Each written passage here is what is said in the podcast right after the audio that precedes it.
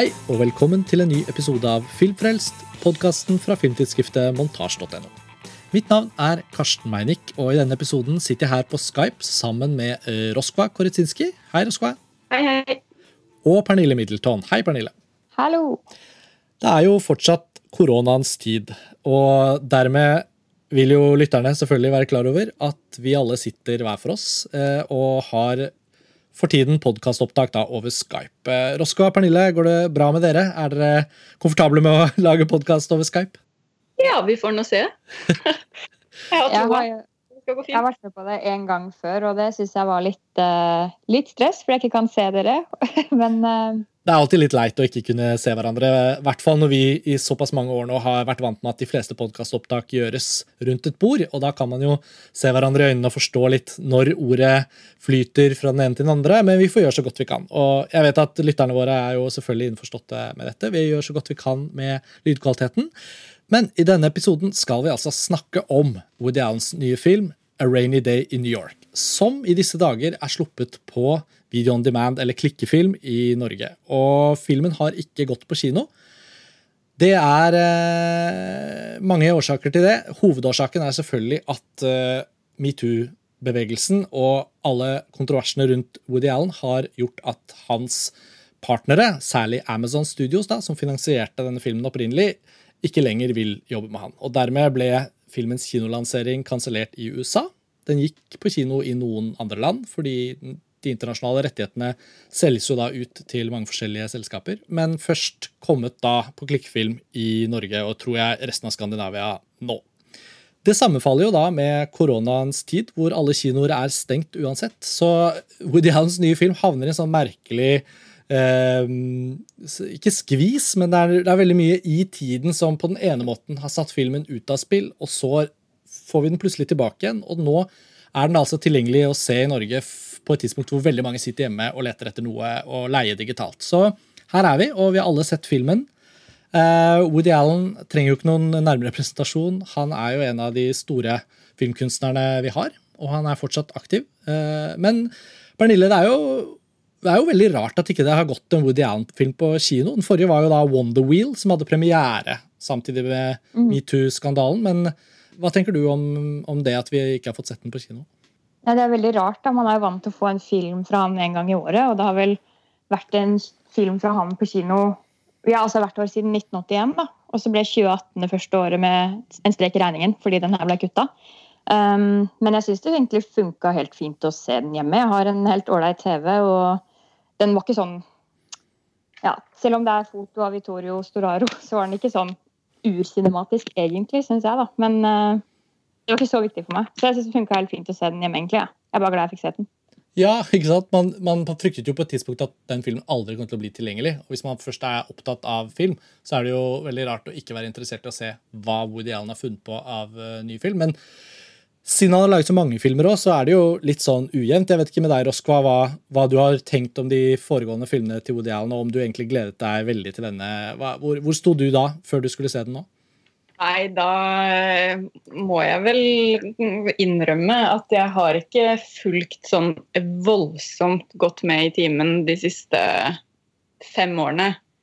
Eh, Jeg har liksom, jeg har ikke vært noe trofast Woody Allen-gjenger på kino. Liksom, jeg har sett det som jeg på forhånd har vært spent på og hørt bra ting om, men det er veldig mye av det som han har lagd de siste ja, 10-15-20 årene jeg ikke har sett. Så jeg skal jo innrømme at forventningene mine var ikke noe sånn, de var ikke skyhøye, fordi jeg vet at han, han kan lage sånn ordentlig, ordentlig ræva film. Eh, så, så jeg gikk egentlig litt sånn blank til, eh, til opplevelsen. Jeg kan bare skyte inn at jeg har sett alle filmene hans de siste ti årene. Og Mm. jeg tror jeg bare har likt to av dem. Altså, jeg, virkelig, jeg liker bare 'Midnight in Paris' og 'Blue Jasmine'. Jeg syns alt det andre nesten er drit.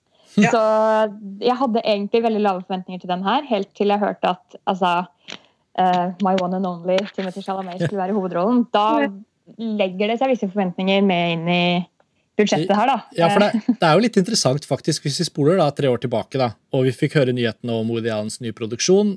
Dette er før man eh, finner ut at filmen er rammet av masse kontroverser og ikke kommer til å komme på kino osv. Men da den gikk i opptak med Timothy Chalamet, uh, Elle Fanning, uh, Jude Law, uh, den ene etter den andre. Det er jo, er jo ikke uvant at Woody Allen har et stjernespekket Men det var noe med hele settingen. Selena Gomez, det var noe sånn litt fresht over rollebesetningen som gjorde at jeg gledet meg for ganske mye til den. Jeg har nok likt flere av Woody Allens filmer fra de siste ti årene enn deg, Pernille.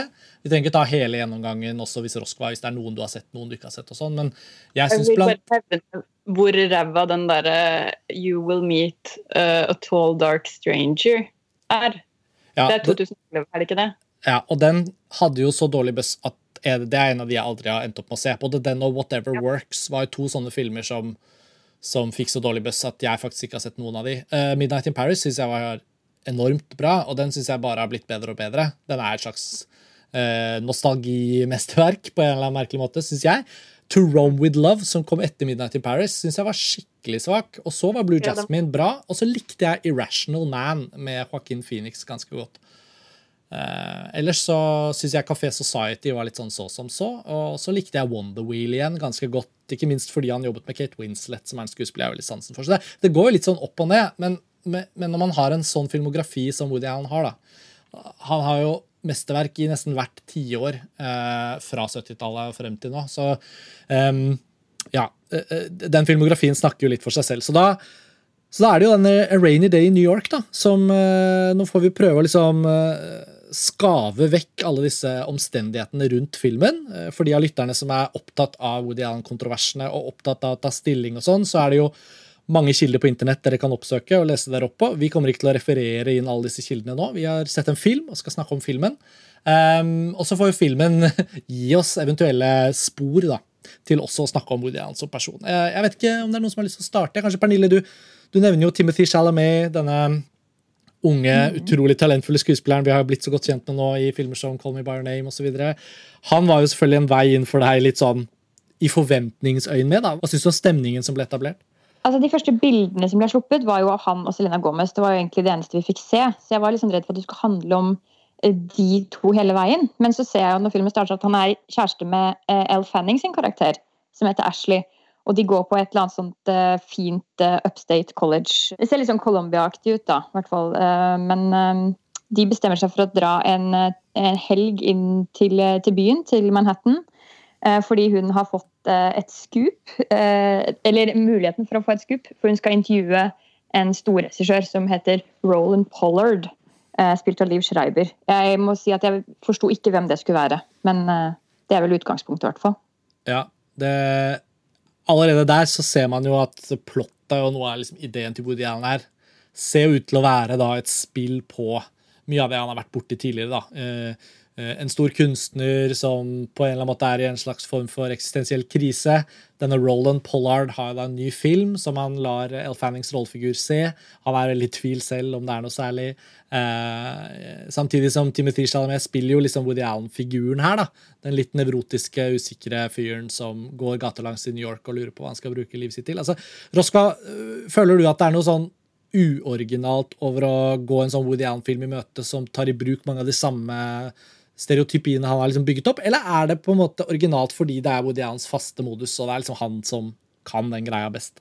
Nei, jeg er egentlig veldig positiv til kunstnere, altså både filmskapere og forfattere, som går tilbake til på en måte sin urfortelling eller sine arketyper. Eh, og veldig mye fantastisk eh, ja, litteratur også har kommet ut av det. Tenk på Margit Duras, f.eks. Mm. Så jeg er ikke i utgangspunktet negativ til det der med å gå tilbake til den samme uh, urkonflikten eller urfortellingen, og så og på en måte framstille den med noen andre, annerledes nyanser eller, enn det man har gjort før.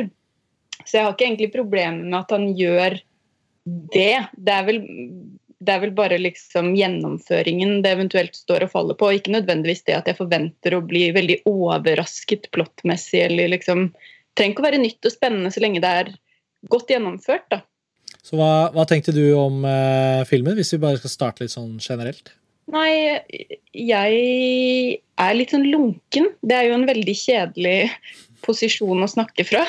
Men, eh, men, det var på ingen måte eh, en av hans svakeste filmer. Samtidig så kan det jo overhodet, synes jeg overhodet ikke kan måle seg med Woody Allen, Woody Allen, for å si det sånn. Jeg synes den var liksom, den var, jeg så den på fredag, og det var koselig film å se på TV en fredagskveld med litt pottis, liksom.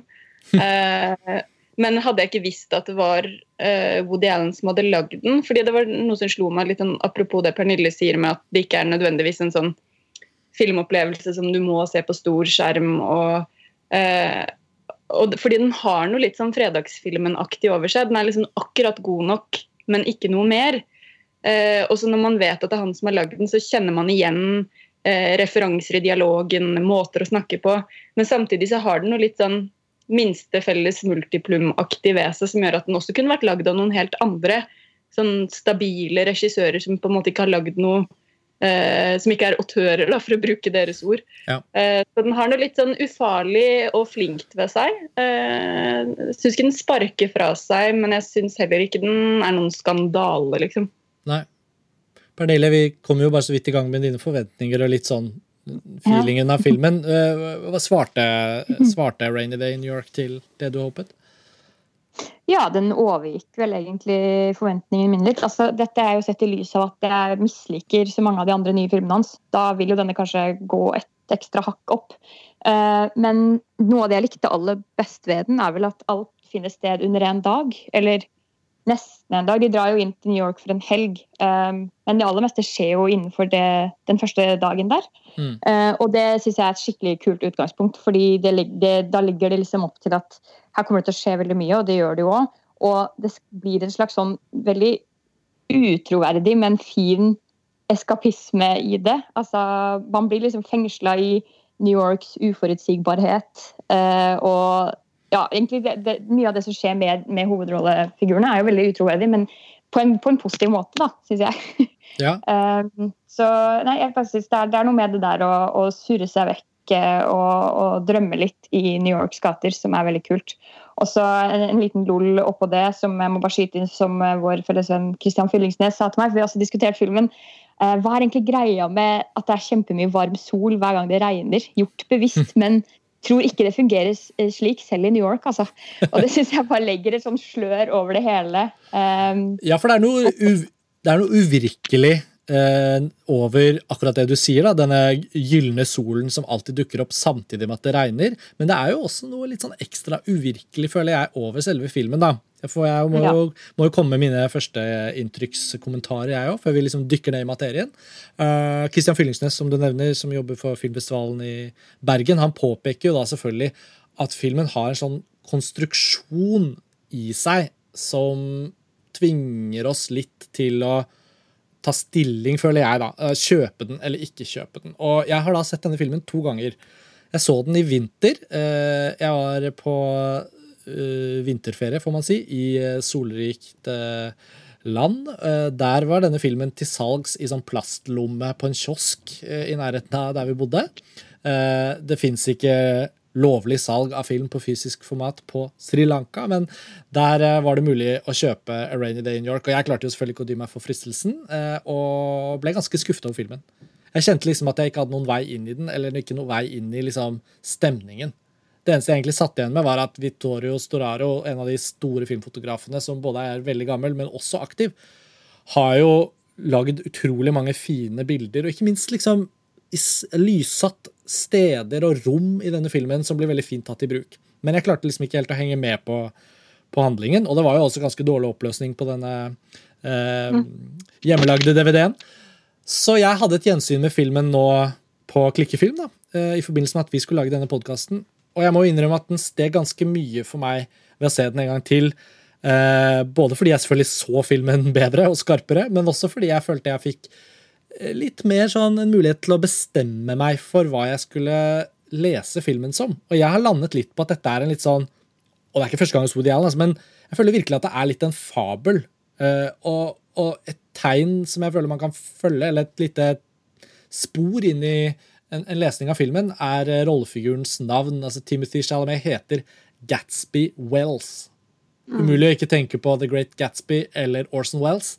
Um, og underveis i denne litt sånn fabelaktige døgnfortellingen i New York, så er det jo veldig mange spill på eh, eh, egentlig akkurat det du sier, Oskar, arketyper. Altså hvem er det er nesten så de liksom tvinges til å reflektere selv, rollefigurene, over hvem de er i fortellingen.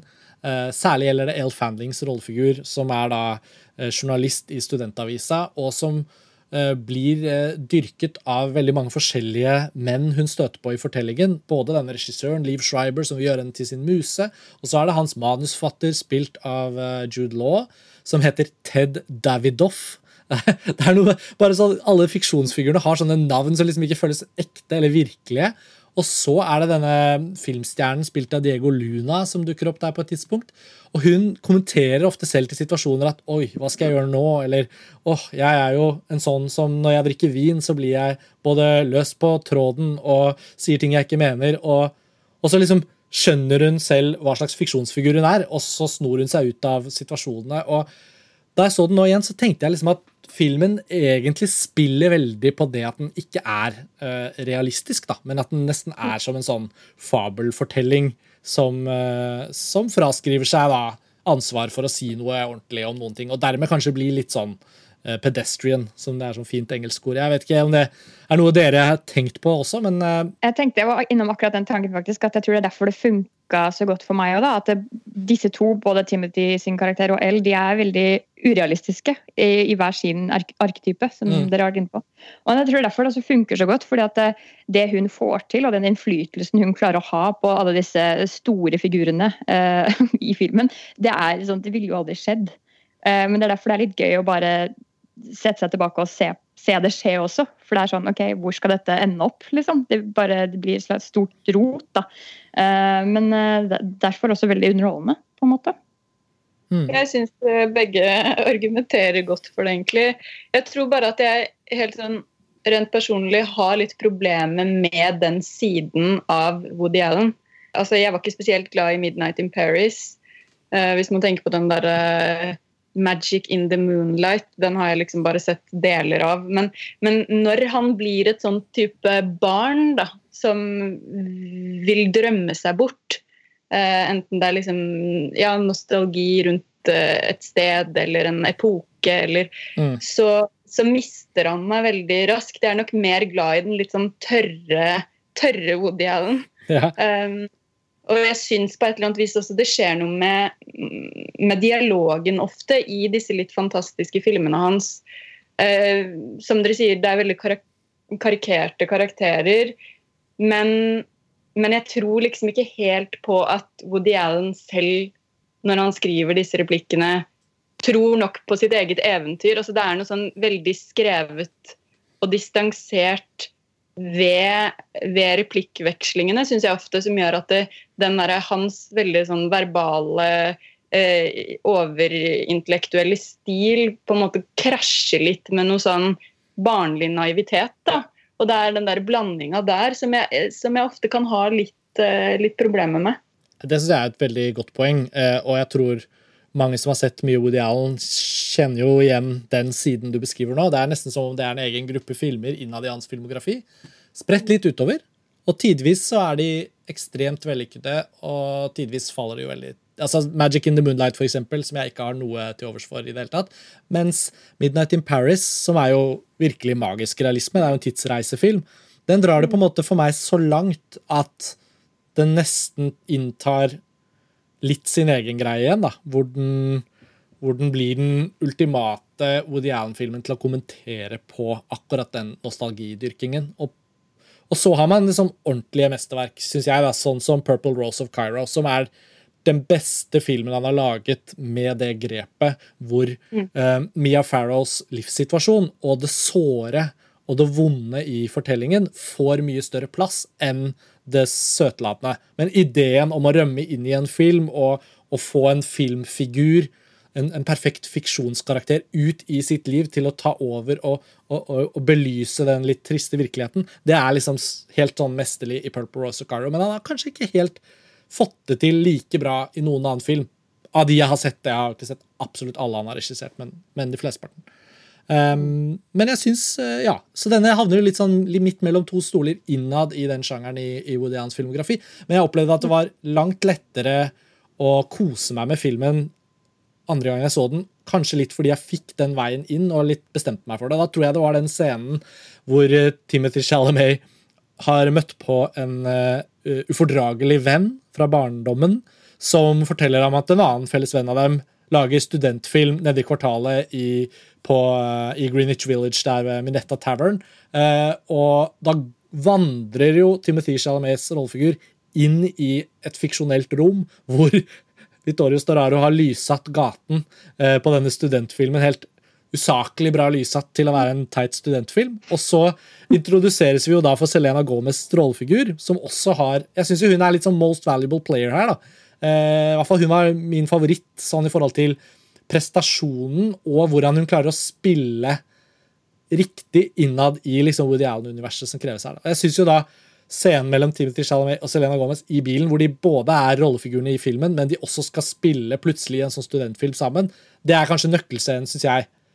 Mm. Uh, og, og, når man liker den, eller Jeg falt veldig for den andre gangen, og da kjente jeg at nå, nå vet jeg hva jeg skal bruke filmen til.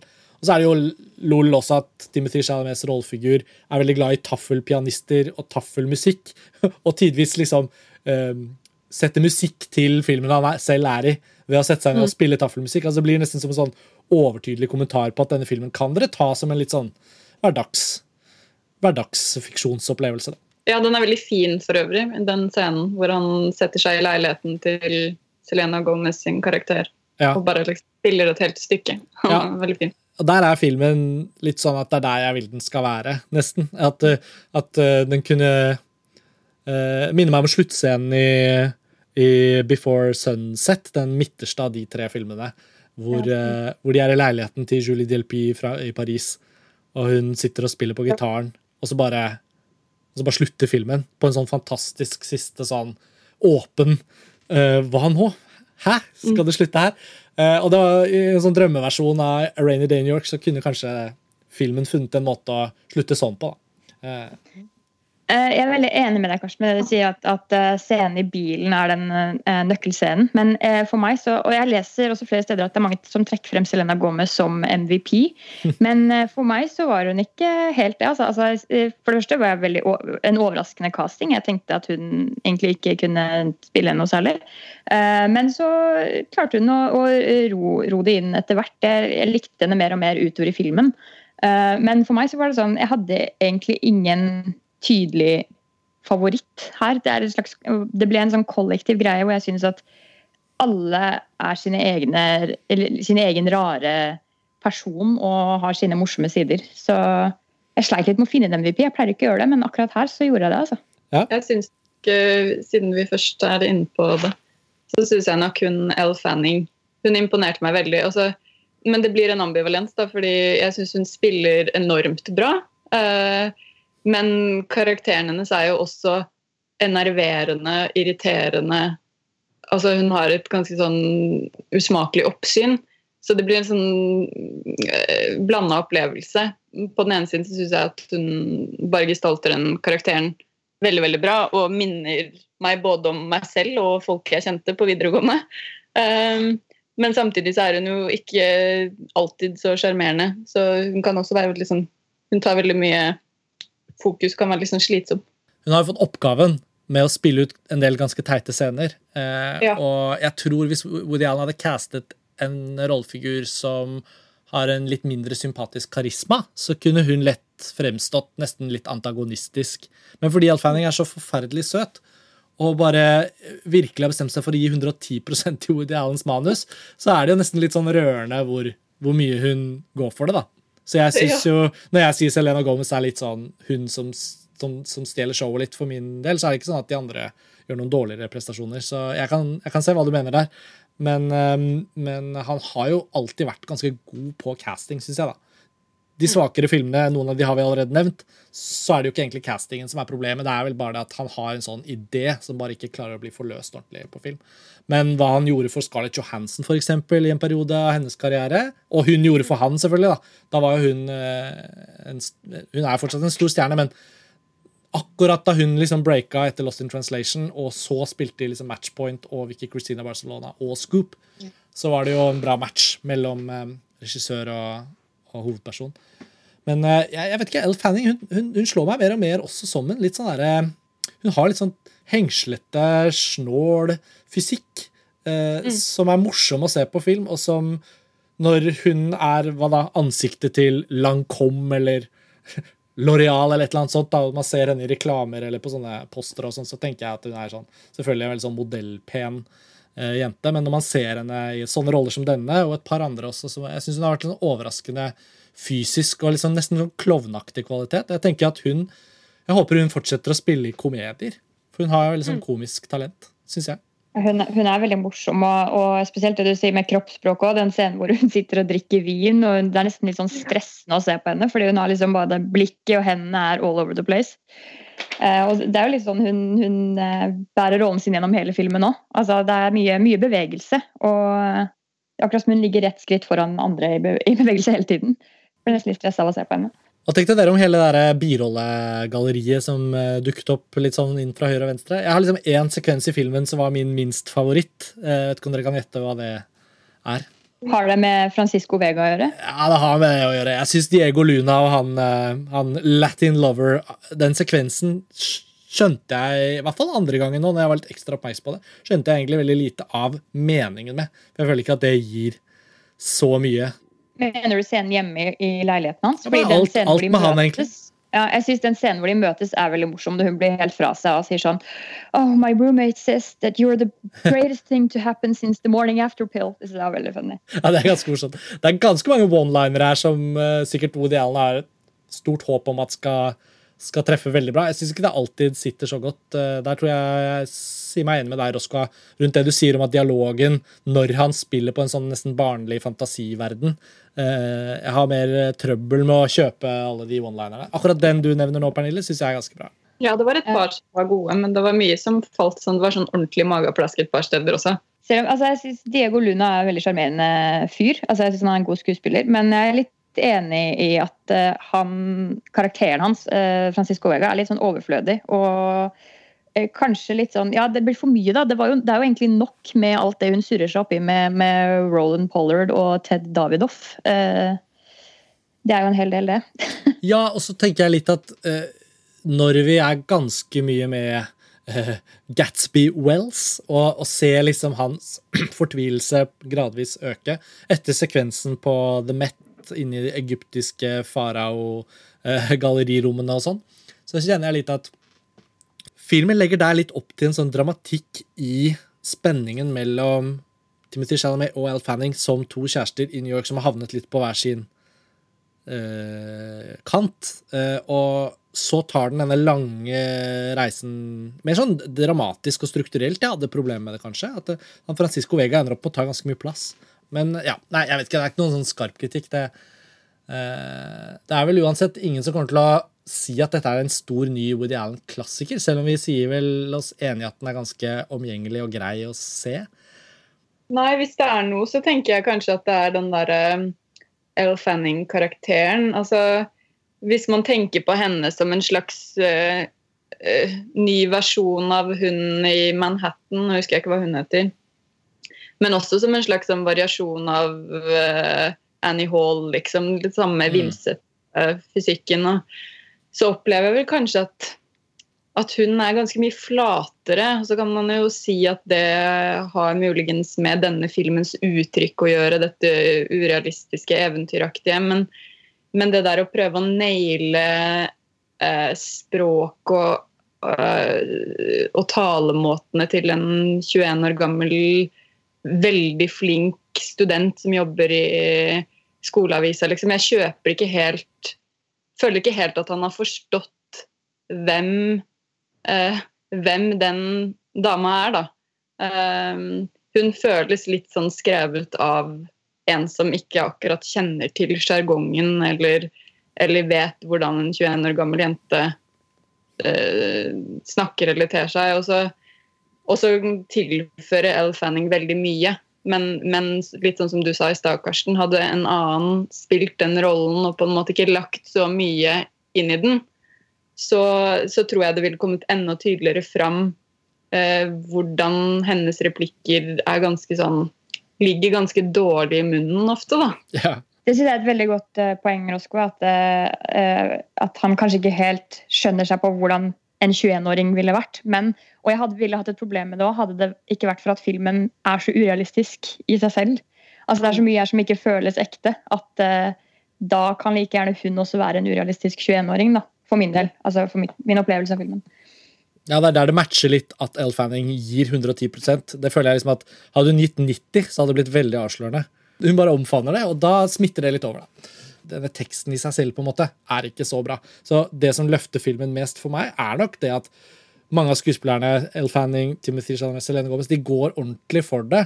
Og da får det den der eventyraktige dimensjonen. Og så er det jo selvfølgelig dette med, med Storaro og bildene som, som, tross alt blir litt fantastisk òg. At det er New York, og det regner, og det kommer sol. Og, og jeg har til og med notert nå, for da jeg så den igjen, så tenkte jeg nå skal jeg notere de stedene hvor de, hvor de faktisk gjør ganske lange one-takes med med oppfinnsom iscenesettelse. Det, det er liksom, i hvert fall to steder i filmen som jeg noterte meg, hvor, hvor tagningene varer mer enn tre minutter, og hele scener er løst med virkelig sofistikert eh, blokking eh, og, og, og, og, rytme innad i scenen. Det er både når når uh, Timothy Chalamet og Elle Fanning møtes første gangen ute i, på college der, da, helt i åpningen av filmen, hvor hun kommer gående, så er det liksom først han kommer ut av en dør, kameraet beveger seg litt til siden, Elle Fanning kommer fra dypt bak i bildet, de møtes, de går inn på et halvskudd, så er det tracking shot mens de går nedover, og så er det nye altså sånn,